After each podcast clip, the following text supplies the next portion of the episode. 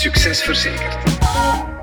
Welkom bij Succes Verzekerd, een podcast van Van Breda Risk and Benefits, waarin we verzekeringsexperten aan de tand voelen over nieuwe risico's en de continuïteitsuitdagingen die daar voor ondernemingen bij horen.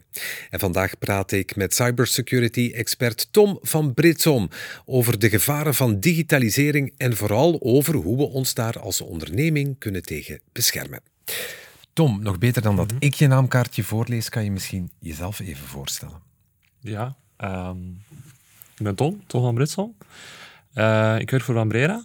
Ik ben daar uh, manager business development en dat houdt eigenlijk in dat wij voor uh, bedrijven op zoek gaan naar verzekeringsoplossingen of diensten um, die zij niet vinden op de markt en die we gaan ontwikkelen. Of omgekeerd, als wij vaststellen dat er nieuwe uh, risico's of nieuwe feiten uh, zich voordoen, dat we daar eigenlijk producten of diensten voor gaan ontwikkelen. Voor maar allemaal in de afdeling cybersecurity? Niet noodzakelijk in de afdeling cybersecurity, maar dat is eigenlijk mijn hoofd, uh, ding, mijn hoofdspecialiteit. Daar hou ik het meeste van eigenlijk. Daar hou ik het meeste mee bezig. Cybersecurity en cyberinsurance, dus veiligheid en verzekeringen. Dat betekent dat er dus ook een probleem is, anders zou er niet gezocht worden naar een oplossing. Mhm. Dat betekent dus dat er zoiets is als cyberfraude. Hoe zou jij dat omschrijven? Want dat is heel veel. Hè? Wat valt daar allemaal onder? Wat valt daar allemaal onder? Um, misschien makkelijkheidshalve is om te zeggen van ja, de, de, de hoeveelheid waar dat we vandaag de dag meer en meer geconfronteerd mee worden. Het is vooral dat we een shift hebben gemaakt doorheen de jaren heen, de laatste jaren, van bedrijven die steeds digitaler worden.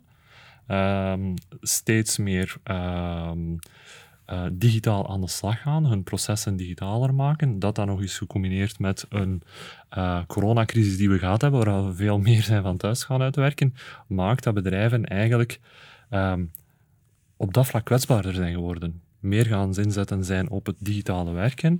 En natuurlijk dat ook vormen van criminaliteit zich van een fysieke wereld zich hebben verplaatst naar een digitale wereld. Ja. En vandaar dat je eigenlijk ook een, een, een switch hebt gekregen van uh, ja, wat vroeger fysiek gebeurde, uh, dat je dat nu digitaal krijgt. Hè. Fysische diefstallen worden nu digitale diefstallen.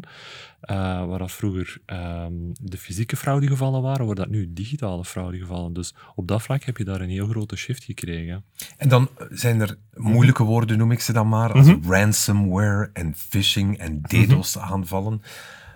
Wat voor vormen zijn er eigenlijk? Um, de grootste vorm, dat, eigenlijk is het allemaal een koepel van manieren waarop dat criminelen trachten uh, bedrijven onder druk te zetten, om op die manier geld te kunnen vrij krijgen bij een bedrijf. Het einddoel van de crimineel is altijd geld. De einddoel van de crimineel is geld of, of informatie. Is data, Of is data waarmee hij dan nadien iets mee kan gaan doen. Of waarmee hij nadien informatie kan loswringen of loskweken of eender wat. Of bijvoorbeeld kan dat ook zijn dat een bedrijf... Uh, met heel belangrijke technologie bezig is en dat een crimineel op zoek gaat naar hoe zitten bijvoorbeeld ehm, nieuwe producten in elkaar. Maar hoofdzakelijk wat wij vaststellen is dat bedrijven uh, slachtoffer worden van een vorm van ehm, ransomware bijvoorbeeld en dat ze eigenlijk worden gemanipuleerd, geforceerd om losgeld te gaan betalen. Hè. Ja, want ransom mhm. is uh, Engels voor losgeld. Dat betekent dat je ergens gegijzeld wordt in de digitale wereld. En als je vrij wil zijn, dat je daar geld voor moet overmaken. Hoe kan zich dat uiten in een bedrijf? Hoe kan zich dat uiten in een bedrijf? Um, de hoofdzaak is altijd dat een crimineel op zoek gaat naar de, ja, de zwakste schakel in het verhaal. En dan mag je nog zo hard inzetten op security. Het zijn altijd wij als medewerkers die in een verdwaald moment klikken op een mail verstuurd door zo'n crimineel die ons in de, in de tuin, op de tuin leidt en de val lokt met een, een eenvoudig mailtje, ons laat klikken op een link. En wat doet die link? Ja, die gaat eigenlijk ervoor zorgen dat er een stukje malware, uh, ja, kwaadaardige software, wordt geïnstalleerd op uw server. En dat zorgt er eigenlijk voor dat er bepaalde bestanden worden versleuteld. En wat doet dan die crimineel? Die zegt, ja, ik ga u die bestanden teruggeven als jij mij x aantal doorgaans bitcoins gaat betalen, losgeld gaat betalen. Um, ik neem aan dat het geen goed idee is om daarop in te gaan. Ehm, het is nooit een goed idee om in te gaan op een vraag van een crimineel. Dus wij, eh, dat is altijd onze eerste advies naar, naar, naar klanten toe. Ga daar niet in mee. Hè. Mhm. Ga daar niet in mee. Ga niet ingaan op die vraag om daar ehm, mee aan de slag te gaan. Ja, dat is ransomware. Er is ook phishing. Ja, klopt. Phishing is eigenlijk de manier waarop die crimineel tracht binnen te geraken. Hij stuurt eigenlijk een phishing-mail uit, of dat kan ook een, dat kan een mail zijn, maar dat kan ook een sms-bericht zijn, of dat kan ook een WhatsApp-bericht zijn. Zijn doel is eigenlijk u om de tuin te leiden, op een knopje te laten drinken, eigenlijk met een vishaak binnen te halen en zo eigenlijk ehm, zich binnen te wringen in uw IT-systeem. Wat zijn DDoS-aanvallen? DDoS-aanvallingen eh, is eigenlijk ehm, een crimineel die tracht een leger van computers bij elkaar te krijgen en die los te laten op je server, op je applicatie, op je website, om daar eigenlijk een over aanbod aan requests op los te laten. En de server kapot te maken. Eigenlijk, Omdat je zoveel ja. vraagt van die ene server met de batterij en computers die je dan als crimineel Klopt. hebt, waarmee een bedrijf gewoon eigenlijk helemaal plat gaat. Ja, het makkelijkste dat je dat kan uitleggen is een autostrade met drie rijstroken. Hè. Als je daar ineens duizend auto's over drie rijstroken stuurt, dan gaat dat plat. Als je ineens duizend aanvragen op een website afstuurt die er maar honderd kan verwerken, ja, dan gaat die website plat. Er is ook zoiets als cyberterrorisme. Klopt. Terrorisme bestaat ook al, altijd al bestaan. En ook nieuw, wat stellen wij vast, is dat, bedrijf, dat, dat, dat o- ehm, terroristen zich niet meer op het fysieke gaan bewegen, maar ook op een criminele, eh, criminele wereld zich gaan richten. En daar eigenlijk ehm, hun middelen vinden om hun slachtoffers, of dat nu bedrijven of landen of, of personen zijn, op die manier te gaan raken. Hoe kan het eigenlijk dat, want criminelen zijn slim, zijn Mhm. vaak slimmer dan bedrijven en lopen altijd net één stapje Mhm, voor. Wat kunnen zij dat, dat bedrijven of wat overheden niet kunnen? Daarmee bedoel ik, hoe kan het dat zij in staat zijn om te infiltreren in het systeem van een bedrijf? Ik denk dat wij als mensen altijd vertrekken vanuit we zetten iets op met de doelstelling dat iets loopt, dat iets werkt.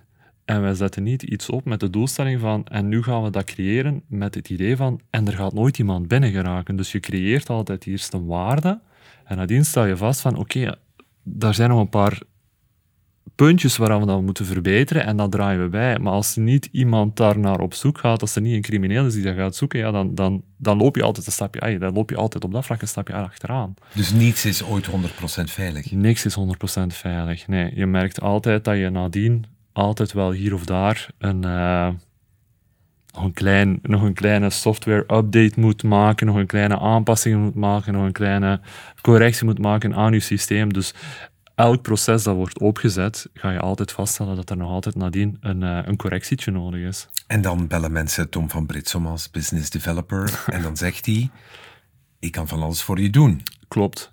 Wat? wij doen, wat wij doen op dat vlak is... Als makelaar doen we eigenlijk drie dingen. Wij gaan op zoek naar eh, de juiste verzekeringsoplossingen voor een bedrijf. Wij gaan op zoek naar ehm, de nieuwe risico's die zich voorbieden. Als een klant een verzekeringsoplossing neemt, dan gaan wij zijn contracten of zijn diensten gaan beheren. En dat kan zowel zijn, enerzijds zijn polissen gaan schrijven en daar specifieke clausules gaan inpassen die meer op hem van toepassing zijn. Maar dat kan ook bijvoorbeeld preventiediensten voorzien. Ehm, in een niet-digitale wereld, bijvoorbeeld voor, voor, voor vlootverzekeringen, gaan wij bedrijven niet enkel een verzekering aanbieden voor een vloten te verzekeren, maar gaan we dus ook assisteren voor een veiliger rijgedrag. In een digitale wereld gaan we niet enkel een cyberoplossing, verzekering aanbieden, maar gaan wij hen bijvoorbeeld ook eh, preventieaandiensten ehm, kunnen aanbieden, eh, waarin dat wij hun medewerkers, want dat is heel vaak de zwakste schakel in het verhaal. Wij zijn allemaal af en toe wel eens afwezig in ons hoofd en wij klikken wel eens op een link. Eigenlijk mensen bewust maken van daarop moet je letten als je een vieze mail binnenkrijgt, daarop mag je niet klikken, daarop mag je wel klikken. En hoe herken je dat? Dat is een vorm van preventiedienst. Dan denk En- ik aan mezelf, die eigenlijk niet zo heel veel heeft met IT. Ik zou nog wel eens in de val kunnen lopen, Ja. maar bedrijven hebben toch IT-afdelingen. Zijn zij dan niet up-to-date genoeg? Eerst en vooral, iedereen kan in de val lopen. Ik, ik ben ook al in de val gelopen. Hè. Je merkt heel vaak dat je allerlei types van e-mails krijgt, waarbij dat er ehm, niet enkel de taal, maar ook de bestemmer, ook de, de inhoud van de mail, ook de, de, de, de context van de mail wordt aangepast in functie van wie dat jij bent. En had je bij jezelf een verzekering afgesloten voor de fout die je hebt begaan, of niet? had ik bij mezelf een verzekering afgesloten. Toen ik zelf in de val liep, was een privéschadegeval. En toen, had, toen was dat product nog niet op de markt. Misschien was dat wel de reden waarom dat mij zo hard heeft getriggerd om er en toen ja, zo hard voor te gaan. We moeten hier Wij moeten hier heel hard iets voor gaan maken. Absoluut, absoluut. Maar goed, alle gekheid op een stokje. De IT-afdeling van een bedrijf is zeer belangrijk. Ja. Wat voorzien jullie daar? Voorzien jullie ook opleiding om IT-afdelingen van een bedrijf net wat slimmer te maken weer? Ehm, wat, wij, wat je eigenlijk kan doen is, je kan op verschillende inspanningen, je kan enerzijds gaan werken op het type van phishing mails, je kan online trainingen gaan opzetten, uh, maar je kan ook workshops gaan opstellen. Workshops waarbij je eigenlijk een bedrijf um, confronteert met een hypothetisch schadegeval.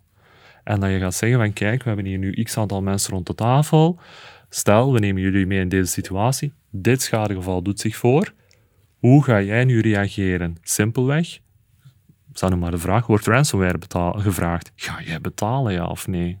Ga je dat doen, ja of nee? En welke procedures hebben jullie daarvoor in plaats? Welk, in een moeilijk woord, business continuity plan, hebben jullie op dat moment klaar liggen om te zien van, wij worden daarmee geconfronteerd, hoe gaan wij reageren? Hoe reageren wij naar zo'n criminele hacker bijvoorbeeld? Hoe gaan wij daarmee communiceren? En welke stappen moeten wij eerst nemen? Bestaat er een soort one size fits all daarvoor? Hoe je met cybercriminelen aan de slag moet? Hoe je met cybercriminelen op zich um, zijn dat bijna heel professionele organisaties. Dat zijn organisaties die um, dag in dag uit dat soort zaken doen. En eigenlijk, cru gezegd, ook een businessmodel hebben. En ook u in de val lokken, u op iets laten klikken en u ook assisteren om eigenlijk te gaan betalen op een bepaald moment. Want dat is een businessmodel. Mochten zij enkel bedrijven weten plat te leggen en nooit daar centen voor te krijgen, ja, dan stopt het voor hen ook. Dus die gaan net u assisteren om daarin mee te gaan. Ze gaan u zelfs een hulplijn aanbieden, ze gaan u zelfs advies geven, ze gaan u zelfs volledig door het traject gidsen. Wat het voor ons dan belangrijk is, is om in eerste instantie te gaan kijken van, hebben wij dat soort aanvallen al ergens anders gezien? Hebben wij bijvoorbeeld al decryptiesleutels liggen, mechanismes liggen om die software, om, om die ransomware te ontwijken, om die decryptie te ontwijken? Kunnen wij daar al stappen voor zetten dat wij uh, niet moeten meegaan in dat verhaal? En dat lukt heel vaak. Ehm, Want als ik een autoverzekering afsluit, dan kan mhm. ik bij mijn verzekering terecht om een aantal dingen op te lossen. Is dat ook wat jullie doen als een bedrijf in de knoei zit door wat er gebeurd is online? Mhm. Door iets wat cybercriminelen eh, al dan niet hebben gedaan? Dat jullie ook voor een deel de garage zijn, zeg maar, mhm. waar de auto dan naartoe gaat, waar het bedrijf naartoe kan? Wat wij natuurlijk doen is, wij bieden de oplossing aan. En achter die oplossing zit eigenlijk verschillende modules. Die verzekeringsoplossing die biedt niet enkel en alleen maar wij vergoeden nu de kosten van alles wat fout gegaan is. Wij vergoeden u de kosten van alle schade die je op een derde hebt berokkend, maar daar zit ook een hele hulplijn, assistentie, noem het maar op achter. Net hetzelfde als dat je met je auto in de zomer op reis gaat naar Frankrijk en staan in pannen aan de kant en je belt een assistance. Belt jij in een cyberschadegeval ook uw assistance.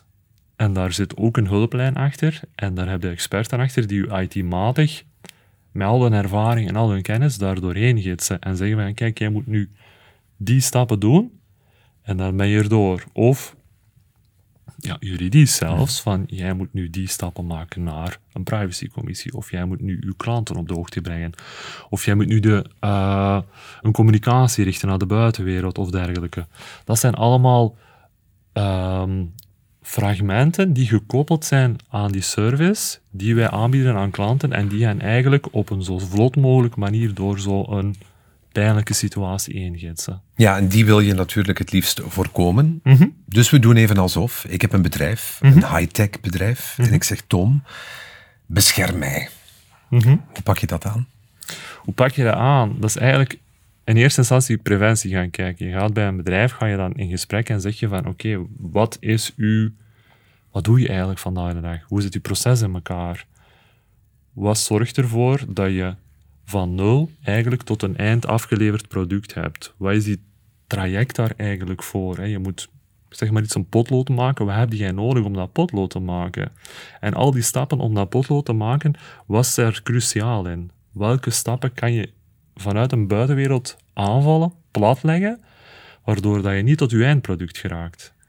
En dat maakt het heel belangrijk. En als je daarop kan gaan werken, van kijk, dat zijn je cruciale facetten, werk daarop, in preventie, in security, in uh, noem maar op welke manier, um, dan kunnen wij op het einde van de rit van zeggen van oké, om dat proces te gaan verzekeren, hebben we dat nodig, want daar zijn x aantal zwakke punten in.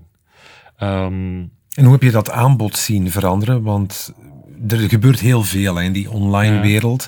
Eigenlijk wat je vandaag verzint is mhm. morgen alweer achterhaald. Hoe is dat aanbod aan oplossingen die jij op zak hebt veranderd?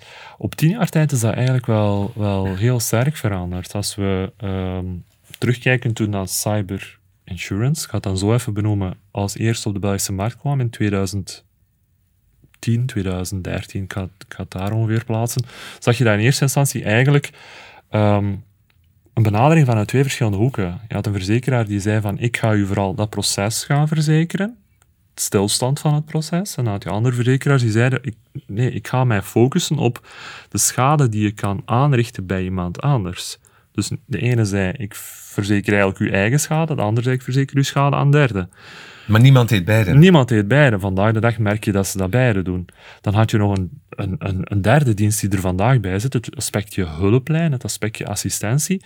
Dat is iets wat je vroeger ehm, daar ook niet bij had. Iets wat eigenlijk gekomen is, misschien zelfs uit een kidnap- en ransom-wereld, waarbij negociatiemanieren met iemand die gekidnapt wordt, eigenlijk wordt overgenomen naar een digitale wereld, wordt niet meer een persoon fysiek gekidnapt, maar er wordt een netwerk gekidnapt en geransomware voor gevraagd. Dus je hebt eigenlijk het eigen schade, het schade aan derden, dat kidnap-verhaal, allemaal samengebakt naar hmm. een IT-situatie.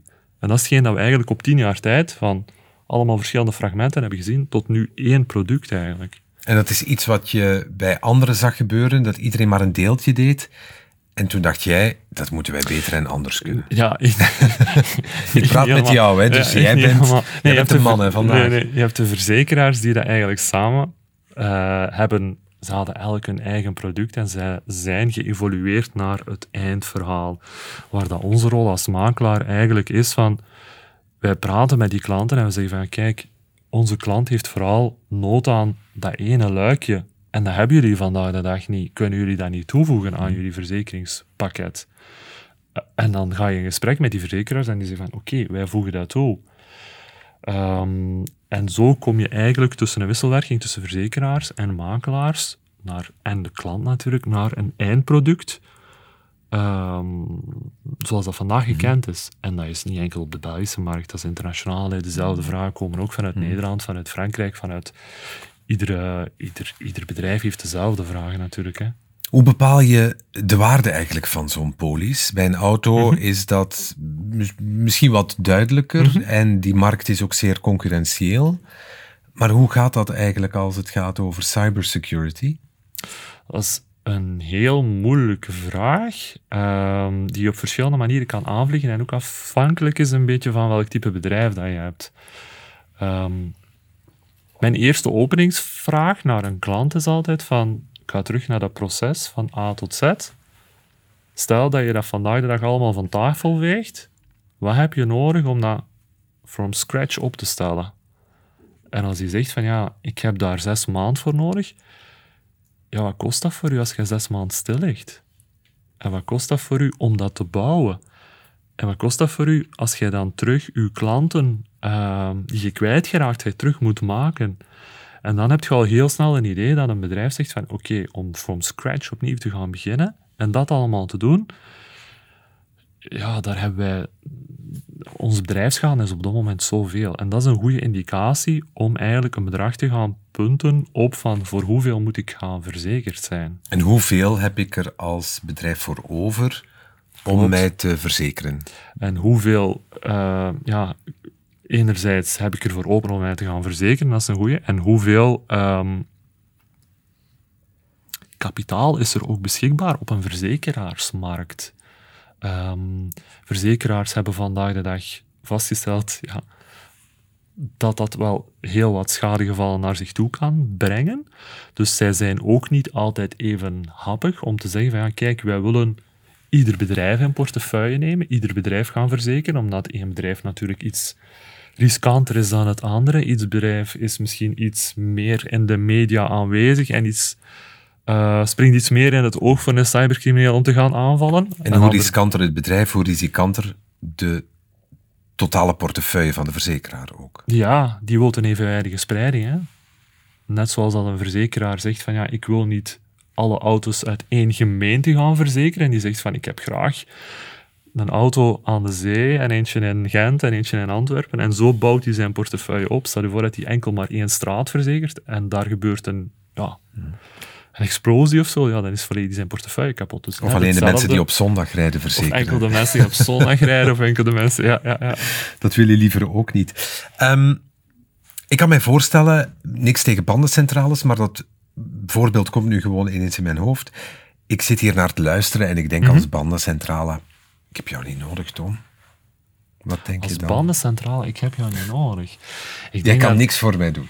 Ik kan niks voor jou doen. Ik vraag altijd van... Ehm, stel dat je een bedrijf bent, eender welk bedrijf, wat gebeurt er als ik hier even een paar dingen wegneem? Kan jij, kan jij werken zonder boekhoudsysteem? Kan je facturen uitsturen? Heb jij uh, security in huis?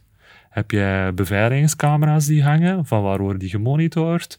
Um, ik bedoel maar, een bedrijf dat, heel veel servers heeft en dat heel veel mhm. eh, online werkt, daarvan is het heel duidelijk dat die op een mhm. gegeven moment wel gaan aankloppen op zoek naar een oplossing. Hoe, mhm. hoe zien de klanten eruit waar jij mee contact hebt? Waar we, dat is, waar we origineel merkten van, kijk, het zijn vooral banken en ziekenhuizen die bij ons het eerst producten afnamen in 2013, 14, 15, 16, omdat dat meer in het oog springt. Een bank, ja, daar denkt een crimineel, daar heb ik centen te halen. Een ziekenhuis, daar heb je heel veel privédata, daar heb je heel veel gevoelige data. Um, dus dat dat de eerste partijen zijn die, die interesse hadden, ingestapt zijn, is, is meer dan logisch. Maar dan krijg je dat digitaal proces, die digitale versnelling, corona, wetgeving, GDPR-wetgeving bijvoorbeeld, die ervoor hebben gemaakt dat ehm, niet enkel die eerste instappers, maar eigenlijk ieder type bedrijf is beginnen instappen. Een productiebedrijf, of dat nu een uh, bandencentrale is, of een bedrijf dat uh, voeding produceert, ehm, ja, die zijn allemaal gedigitaliseerd. Uh, een aardappelfabrikant, waarbij dat eigenlijk een aardappel over een band loopt en een, en een sonisch oog bepaalt welke grootte van aardappelen hij, hij, de grootste gaan die richting uit, de tweede grootste gaan centraal, de kleinste gaan naar rechts. En allemaal in afzonderlijke zakken. Als dat, dat oog al fout loopt, dan loopt die dispatching fout. Als die band daar stopt, ja, dan heb je daar ook weer een probleem. Als die verpakking niet goed is, dan heb je daar een probleem. Als de datum niet goed wordt gezet op de verpakking, heb je opnieuw een probleem. En, als en dan zijn we, zoals we in Vlaanderen zeggen, nog niet aan de nieuwe patatjes. Dan zijn we nog niet aan de nieuwe patatjes. En dan ligt het niet op de vrachtwagen en dan ligt het nog niet in de winkel. En dat zijn allemaal verschillende eikpunten waar eigenlijk een digitaal proces loopt op een of andere manier. Door een andere partij, of dat dat nu die voedselproducent is, of dat dat nu dat transportbedrijf is, of dat dat nu die retailpartner is. Overal zit wel een digitale schakel die fout kan Dus denk niet dat je niet kwetsbaar bent als bedrijf. absoluut. Ja. Is daar kennis genoeg over? Zijn bedrijven daar genoeg van op de hoogte? Denk dat er heel veel gebeurt omtrent kennismaking.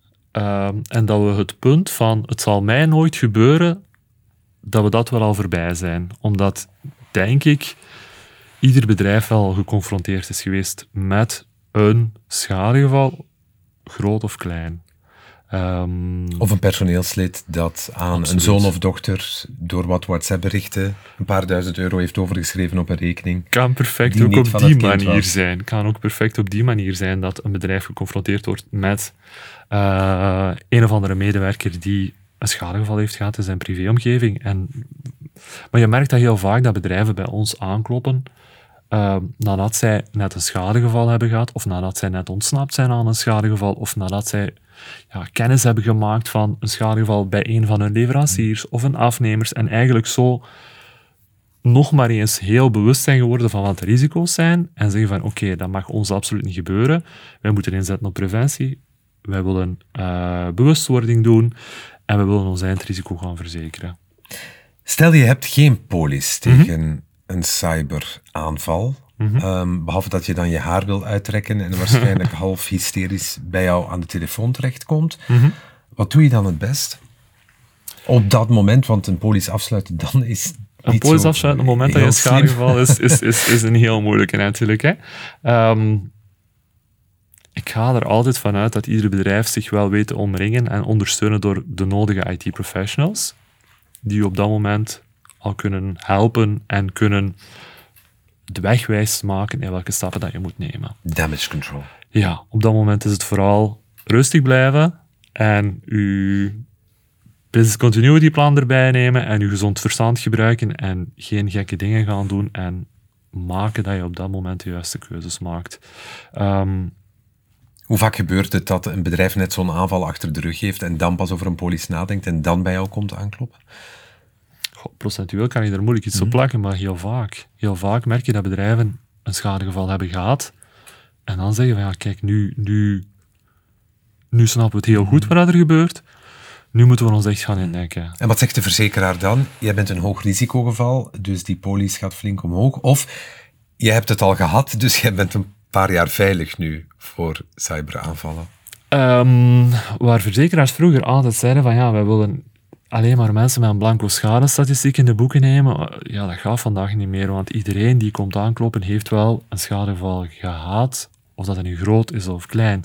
Wat een verzekeraar vooral naar wil kijken is van, was de maturiteit van dat bedrijf op dat niveau? Welke stappen zet hij in IT-security, in opleiding van zijn mensen? En ehm, daar kijkt hij vooral naar. Van, oké, een schadegeval is één. Daar zijn we ons degelijk van bewust dat dat heel vaak bij heel veel bedrijven gebeurt, maar vooral van hoe gaat een bedrijf daarmee om? Zijn zij bezig met ehm, continu uitvoeren van alle updates die worden aangeboden? Zijn zij continu bezig met hun medewerkers op de hoogte te brengen van al digitale gevaren die er zijn en welke risico's dat ze met zich meebrengen? Dat zijn zaken waar een verzekeraar vooral naar kijkt van hoe matuur is een bedrijf? Je kan je laten verzekeren. Mhm. Eh, je doet ook aan preventie. Is er eigenlijk nog iets dat je kan doen? Of ben je daar dan al redelijk mee beveiligd? Eerst en vooral is het uw IT-setup. hè. Maken dat uw IT-setup 100% goed in orde is. Vervolgens ga je kijken naar van wie gebruikt dat IT-verhaal. Dat zijn uw mensen. Dan heb je uw preventieverhaal. En tot slot heb je uw verzekering. En dan is het aspect het verzekeringen het, het, het, het laatste verhaal. Ehm, Ik denk als je die drie goed in plaats hebt, dat je eigenlijk heel sterk bezig bent en heel goed bezig bent en dat je eh, ja, als je dat continu onderhoudt, dat je daar heel, al, al, al heel ver mee geraakt. En is dat stukje zorgen dat die IT-omgeving veilig is ook iets wat jij aanbiedt? Of werk je daarvoor samen met andere partners? Daar werken wij voor samen met andere partners, ja. ja het, ehm, dat is niet iets wat wij in onze core business ligt als makelaar. Wat wij doen is ehm, workshops aanbieden en eigenlijk mensen meenemen in het verhaal van wat als. Uit ervaring van onze schadegevallen, uit ervaring van hetgeen dat wij zien. Ehm, maar het is niet zo dat wij IT-infrastructuur mee gaan designen, bepalen, wat moeten jullie doen. Wat wij vooral doen is van, oké, wij gaan u op zoek brengen naar één, de juiste verzekeringsoplossing, preventie en nadien uit onze ervaringen van schade eigenlijk gaan zeggen van, kijk, stel als dit gebeurt, hoe moet jij gaan reageren? Ik wilde vragen, wat zijn de voordelen van een polis? Eh, ja, dat is vrij duidelijk natuurlijk, Mhm. dat je mij gaat helpen als ik in de problemen zit. Maar kan je dat misschien met een cijfervoorbeeld wat duidelijker maken? hoe, eh, de voordelen van een polis op zich, een verzekeraar neemt de verzekeringspolis uit en daar zitten drie luiken in. Het eerste luik is eigenlijk alle kosten die jij zelf moet maken, die gaan we gaan vergoeden. Kosten die jij zelf maakt, gaan er bijvoorbeeld van, ja, nog maar simpelweg de uren bepalen van alle IT-experten die daarop actief zijn en die daar aan de knoppen liggen draaien om dat bedrijf terug in orde te krijgen. Twee, ehm, jij bent aan de slag, je bent aan het werken, je hebt een productiebedrijf, je hebt een, uh, een, een, een, een, band lopen, jij moet, moet tegen het einde van de dag x aantal uh, vleesgerechten bij ziekenhuizen krijgen, bij, bij hospitalen krijgen. Die productielijn die ligt stil. Hoe gaan we dat organiseren om die toch daar te krijgen? En de kost die daar met zich meekomt, hoe gaan we dat gaan vergoeden? Dat is bijvoorbeeld allemaal aspecten van uw eigen schade. Schade aan derden is dan bijvoorbeeld dat ziekenhuis dat zegt van ja, kijk, ik heb vandaag die vleesgerechten niet gekregen, dus ik plaats naar u toe een claim, want jij hebt niet kunnen leveren wat jij beloofd had om te doen. Dat is een schade aan derden. Dat is een tweede kost. En de derde kost die je hebt is eigenlijk de hulplijn, de assistentie die wordt aangeboden, alle kosten die daarmee gepaard gaan. Hoe groot worden die ingezet? Ja, een verzekeraar kiest enerzijds samen met de klant van ja, wij verzekeren u voor een bepaald bedrag. Als een bedrijf een, uh, een omzet draait van zeg maar iets 25 miljoen en die wil zich verzekeren voor 1 miljoen, dan hoort daar een premie bij. Dan komt daar een premie bij te zitten en die premie is afhankelijk van ja, welk kapitaal wil je verzekeren, maar ook welk eigen risico, welke franchise neem je. Of um, wat is je schadeverleden? Hoeveel schadegevallen heb je al gehad? Of in welke sector ben je actief? Ik ben actief in die bandensector. Mm. Die betaalt misschien net iets andere premie als ik ben actief als een ziekenhuis. Dus je hebt daar verschillende facetten die daarin spelen, wat je prijs zet. Dus dat is niet altijd zo'n eenvoudig verhaal om daar net een, een bedrag op te punten. Ik zal het zo stellen. Is alles te verzekeren? Een bedrijf dat zich volledig digitaal afspeelt. En dan haal ik er het grootste bedrijf ter wereld mhm. maar meteen bij. Google of, of, of een mhm. Meta bijvoorbeeld. Mhm. Wat betalen die aan premies per maand? Ik zou het heel graag weten wat die betalen. Maar ik denk dat die um, één daar denk je toch als verzekeraar van, daar begin ik zelfs niet aan. Ja, daar begin je niet aan. Hè. Daar, daar, daar, daar, dan ben je eigenlijk de digitale wereld aan het verzekeren. Dan ben je eigenlijk alles in één keer aan het verzekeren. Zit je misschien ook niet bij één verzekeraar? Nee, dat krijg je dan op een bepaald moment dat bedrijven zo groot zijn dat zij over zo'n groot risico hebben dat niet één verzekeraar zich daar nog maar aan wil wagen. En dat die eigenlijk verschillende hapjes bij verschillende verzekeraars gaan opnemen, hmm. waardoor dat je eigenlijk een, een pakket moet samenstellen vanuit onze hoek, uh, als makelaar zijnde, dat een bedrijf naar ons komt en dat wij zeggen, ja, kijk, uh, wij kunnen nu een verzekering aanbieden, maar wij gaan daar wel 1, 2, 3 tot zelfs 10 verzekeraars voor nodig hebben om nog maar simpelweg uw risico als bedrijf op een goede manier te kunnen afduiken. En dan krijg je effectief dat verhaal. Maar hoe een Google uh, dat invult, Gaan ze ook aan onze neus niet hangen, hè, Tom? Dat gaan ze aan ons niet vertellen. Nee. En gelijk hebben ze.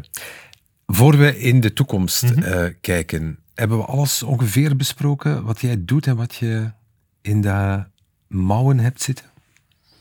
Um, denk het wel. Over dit topic wel, ja. Okay. Klopt. Over andere dingen kunnen we, los van deze podcast, nog ongetwijfeld heel lang praten. Laten we dan eens kijken naar die toekomst. Eh, we hadden het er al over, alles wat je vandaag mhm. doet en verzint, dat is eigenlijk morgen al achterhaald. Dan vraag ik jou om te kijken naar overmorgen. Hoe zie jij de komende jaren, als dat al mogelijk is, dat hele security-landschap veranderen? Ehm, eerst en vooral, ja, je, je merkt dat er ehm, een continue evolutie in het type van schadegevallen is. Schadegevallen die we vijf jaar geleden zagen, bijvoorbeeld een vorm van telefoonhacking, zie je vandaag de dag niet meer. Dus er gaat altijd wel een nieuw type, vorm van schadegeval opduiken, waar dat we vandaag ons nog niet van bewust zijn, een risico waar we vandaag ons nog niet van bewust zijn, en dan gaat er ineens zijn, en dan gaan we daar op dat moment een risico voor moeten, eh, of een, of een verzekeringsoplossing voor moeten gaan bouwen. De huidige verzekeringsoplossingen die er zijn, ja, dat verzekeraars de laatste jaren hebben vastgesteld van oké, wij zijn meer aan het uitbetalen als dat we premie binnenkrijgen. Ja, daar moeten zij oplossingen, of daar, moeten zij, daar zijn zij vandaag de dag mee aan, het, aan, de slag. En hoe doen ze dat? Enerzijds, ofwel zeggen we, ja, beste klant, u moet ofwel meer premie gaan betalen, of uw franchise moet omhoog, of uw kapitaal dat we verzekeren moet naar beneden, of jij moet aan uw preventie gaan werken. Maar dan zijn we eigenlijk aan het werken op het aspect binnen het bestaande verhaal. Hè. Ehm, maar dan moet je toch altijd aanstaan ook als business developer. Want een autoverzekering, ja, dan ben je weer goed voor een jaar en die mhm. situatie verandert niet echt. Ja. Maar bij dit soort polissen moet je daar toch bijna dagelijks bijna mee bezig zijn. is, dat, is dit nog altijd wat het bedrijf nodig heeft, wat het bedrijf verlangt? Hoe zit dat dan? Zijn dat dan polissen die, uh, zijn dat variabele polissen die je op elk moment kan openbreken? Of hoe moet ik dat zien? Dat zijn polissen op jaarbasis. En wij zitten echt uh, dag in, dag uit, bij wijze van spreken, met alle verzekeraars die actief zijn hier op onze markt aan tafel om te zien van hoe staan jullie vandaag de dag in de situatie, hoe staan jullie vandaag de dag daarnaar te kijken. Um, welke risico's zien jullie extra op ons afkomen? Welke schadegevallen worden jullie mee geconfronteerd? Zien jullie daar nieuwe zaken komen? En anderzijds zitten wij dag in dag uit met onze klanten rond tafel uh, om te kijken van ja, wat doen jullie vandaag de dag in preventie? Kunnen jullie daarin upschalen? Om enerzijds uw verzekering houdbaar te houden, uw risico binnen de perken te houden. Um, en verandert uw omgeving ook. Hè? Een bedrijf evolueert ook. Um, bedrijven hebben gekozen voor een bepaalde uh, activiteit.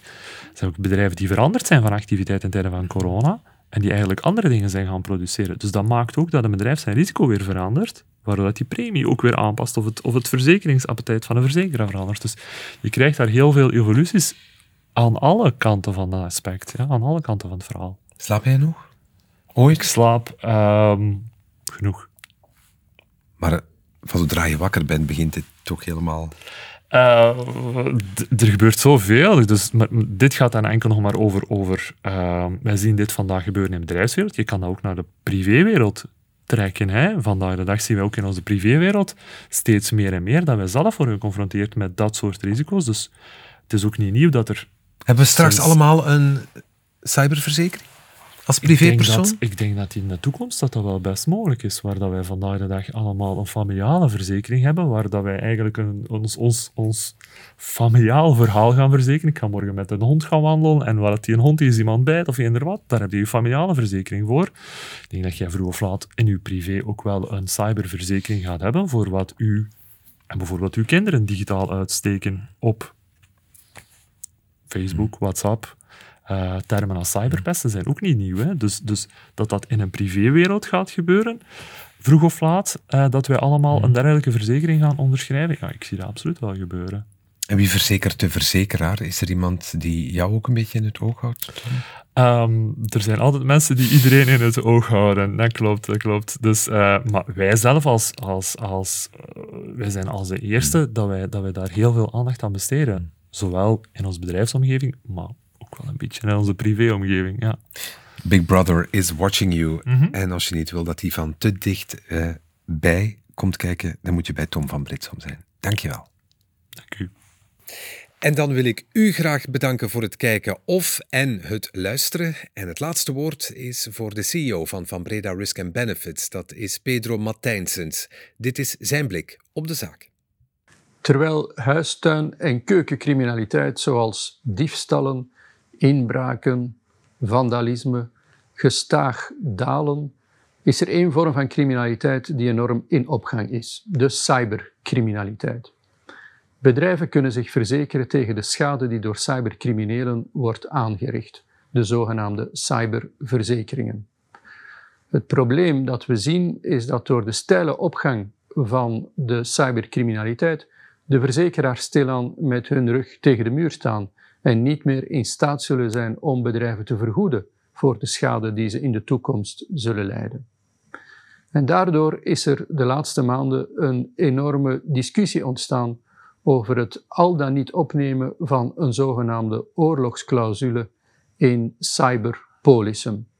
Een oorlogsclausule is een clausule die zich in vele polissen bevindt en die een verzekeraar vrijstelt om schade in geval van oorlog te moeten betalen. Het is normaal dat men zegt de schade die door oorlogen wordt veroorzaakt, daarvoor kunnen verzekeraars niet opdraaien, want dat zouden ze überhaupt niet kunnen betalen. In het geval van cyberschade is er iets anders aan de hand. We hebben gezien dat sinds 2014 de oorlog in Oekraïne enorme cyberschade heeft veroorzaakt. Verzekeraars zijn opgedraaid voor miljarden kosten hebben miljarden moeten betalen aan bedrijven, honderden bedrijven die in de problemen zijn geraakt. In 2017 was er een enorme cyberschade die onder andere een groot Amerikaans farma- en chemiebedrijf in de problemen bracht. De verzekeraars, twintig verzekeraars, weigerden aan dat farma- en chemiebedrijf schade uit te betalen omwille van de oorlogssituatie. Het farma- en chemiebedrijf vond er dan niets anders op dan de verzekeraars voor de rechtbank te sleuren in de Verenigde Staten en heeft recent ook de rechtszaak gewonnen, waardoor die verzekeraars verplicht worden om meer dan 1 miljard schade uit te keren. Dat lijkt een mooie overwinning op het eerste gezicht, maar de verzekeringsindustrie is in een felle kramp geschoten en zoekt nu naar andere manieren om die oorlogsclausule opnieuw te laten gelden.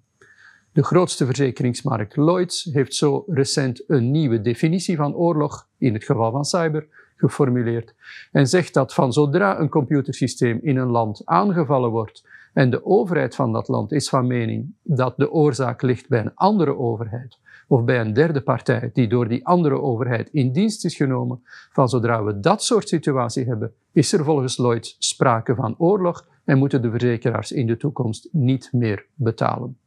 Het is maar zeer de vraag of dit werkelijk voor duidelijkheid gaat zorgen. Want het zal erop aankomen voor de verzekeraars om aan te tonen dat derde partijen, criminele bendes, inderdaad in opdracht van vreemde buitenlandse overheden cybercriminaliteit hebben gepleegd. En dat kan best nog moeilijk worden.